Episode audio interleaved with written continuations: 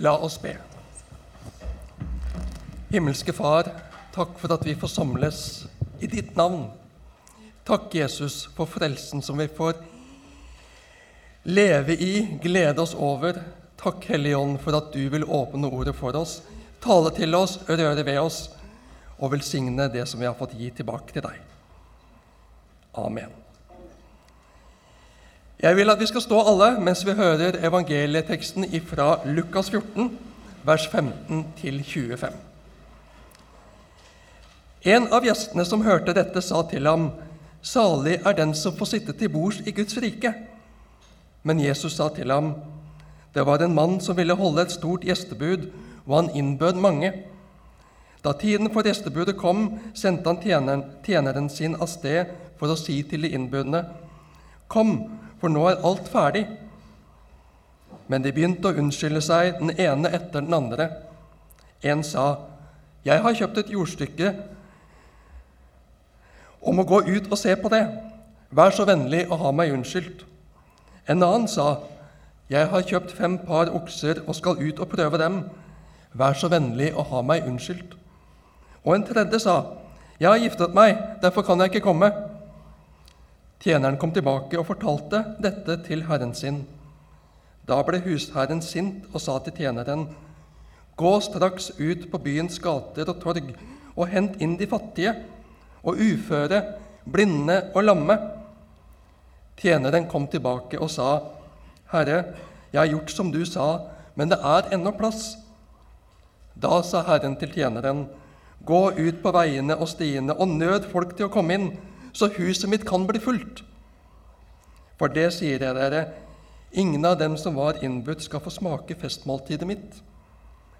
Slik lyder Herrens ord. Vær så god, sitt. Å, så heldige de er som får være med på dette flotte arrangementet. Det blir jo så bra! Men når det kom til stykket, så hadde ikke folk tid til å være med. Dette blir en fantastisk konsert. Dette må alle virkelig få med seg, fortalte han entusiastisk. Men selv dukket han ikke opp. Han var for opptatt med andre ting, og det var bare åtte personer som kom. I dag får vi innblikk i Jesus store smerte. Alle de som ikke tar imot invitasjonen. Jesus har gitt livet sitt for å åpne himmelveien. Gud, Gud ble pint til døde for å sone din og min synd, for å forsone oss med seg. Alle forberedelser til himmelfesten er unnagjort. Det er så påkosta. Langt over det vi kan drømme om. Det kan ikke bli bedre. Men folk har ikke tid.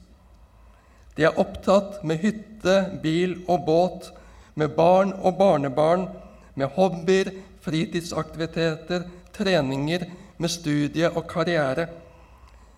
Det blir sikkert flott, altså, men beklager, jeg har ikke tid. Den fromme munken i sistersinerordenen, Bernard av Clairot, skal ha sagt veien til helvete er brolagt med gode intensjoner.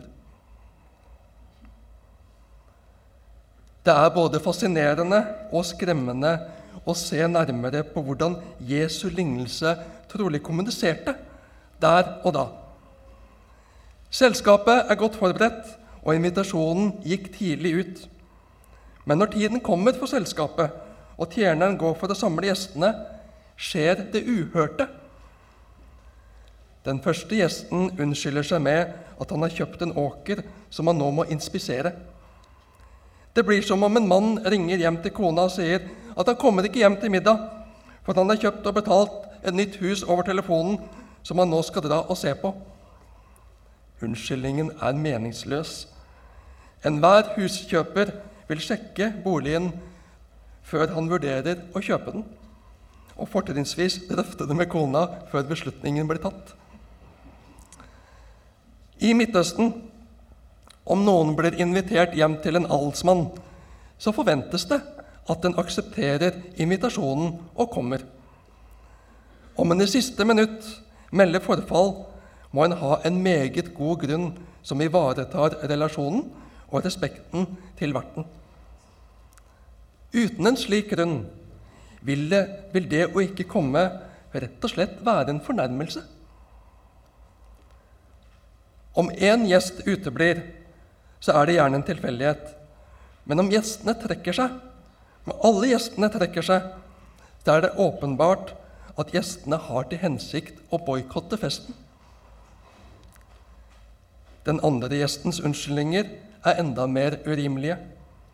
Jeg har kjøpt fem par okser og skal ut og prøve dem.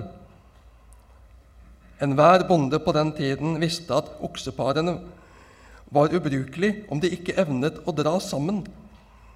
Ingen ville engang by på oksene uten å ha testet dem grundig ut først. En slik unnskyldning er åpenbart sagt for å fornærme verten. Tredjemanns unnskyldning er direkte uhørt. Han har nettopp gifta seg, derfor kan han ikke komme. Han ber ikke engang om unnskyldning. Enhver respektabel mann i denne kulturen ville snakket høflig og respektfullt om sin kone. Denne uttrykker det omtrent slik.: Jeg har en kvinne bak i huset, opptatt med henne. Ikke forvent at jeg kommer i selskapet. Han ville være hjemme og stå i med kona. Både tjeneren og Herren innser at gjestene har til hensikt å ydmyke verten og forhindre at selskapet finner sted, og Herren blir naturlig nok sint. Men hva gjør Herren? Han vender sinnet til nåde. Han snur kraften i fornærmelsen til nåde til de som var utstøtt, de som ikke ble regnet med i det gode selskap. Gå straks ut på byens gater og torg og hent inn de fattige og uføre, blinde og lamme. Men hvordan reagerer disse på en slik ufattelig invitasjon? Det kan ikke være sant. Han mener det ikke. Han driver gjøn med oss. Når vi kommer, så vil vi bare bli ledd av, ydmyket og avvist. Vi blir en del av underholdningen. Og Herren vet at de vil reagere slik. Det er naturlig at de reagerer slik, slik kulturen fungerte. Derfor instruerer han tjeneren til å nøde folk inn. Nærmest ta folk i armen og dra dem inn. Ikke for å bruke makt, ikke for å tvinge, men for å overbevise om at invitasjonen er reell. Dette er Herrens vilje. Du er ønsket inn. Dette taler Jesus inn i en kultur hvor Skriftene opprinnelig hadde det perspektiv at hedningene skulle innlemmes. Helt fra Abraham, da det jødiske folket ble utvalgt, var folkeslagene regnet med. I Isaiah 25 leser vi på dette fjellet skal Herren over herskarene gjøre i stand for alle folk. Et festmåltid med fete retter, et festmåltid med gammel vin. Den dagen skal de si, Se, dette er vår Gud. Vi håpet på ham, og han frelste oss. Men tradisjonene hadde gjennom århundrene snevret perspektivet inn, bortforklart, slik at hedningene ikke lenger hadde noen plass i Messias-forventningene i israelsfolket. Det var bare den fromme jøden som overholdt loven, som hadde noen plass i Messiasriket. Jesus bruker sterke ord og sterke bilder for å røske i tankemønstrene deres. Nei! Hør! Alle er invitert. Alle har en plass i Guds tanke, i Guds rike, som han nå åpner opp. Alle er invitert. Gud har hjerte for alle mennesker. Samme hva slags bakgrunn de har, samme hvordan de har lyktes i livet. Gud har hjerte for dem, også om de ikke har det vellykkede livet og den fromme fasaden. Vi inviterer inn og inviterer inn Men det er så mange som ikke tar imot invitasjonen. De har alskens unnskyldninger, og vi kan fristes til å tenke vi er selgere av en vare som folk ikke er interessert i.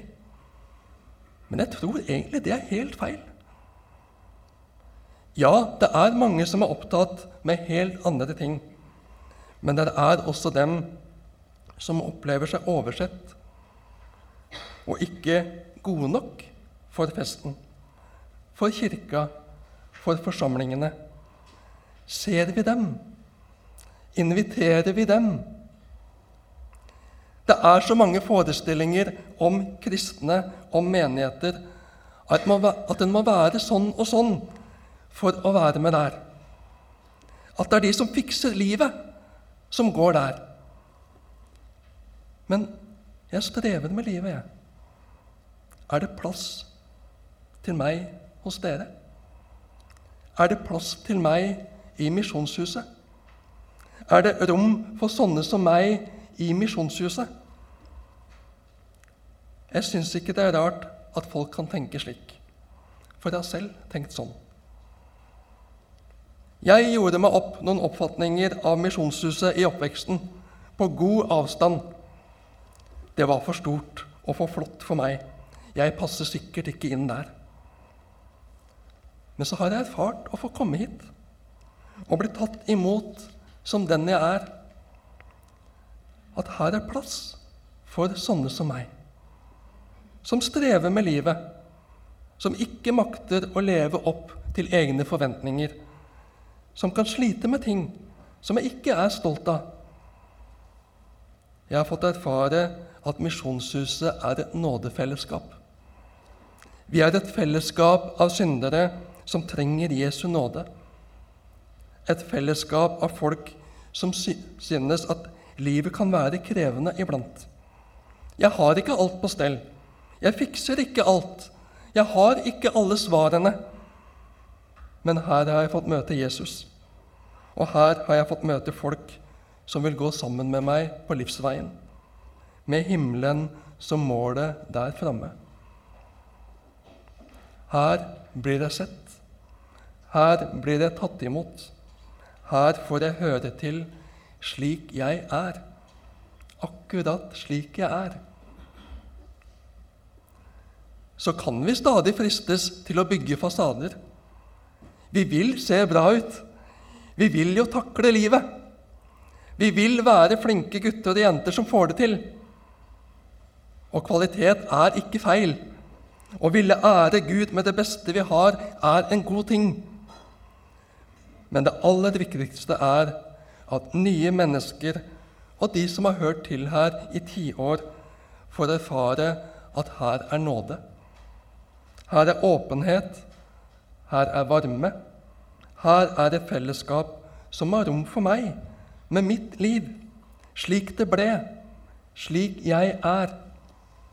Et fellesskap av mennesker som trenger Jesus, som vil ledes av ham, som har fått erfare at i hans favn er det godt å være. Et fellesskap som er åpent ut mot verden, som alltid har plass til en til som trenger Jesus, og som trenger et medmenneske å vandre det sammen med.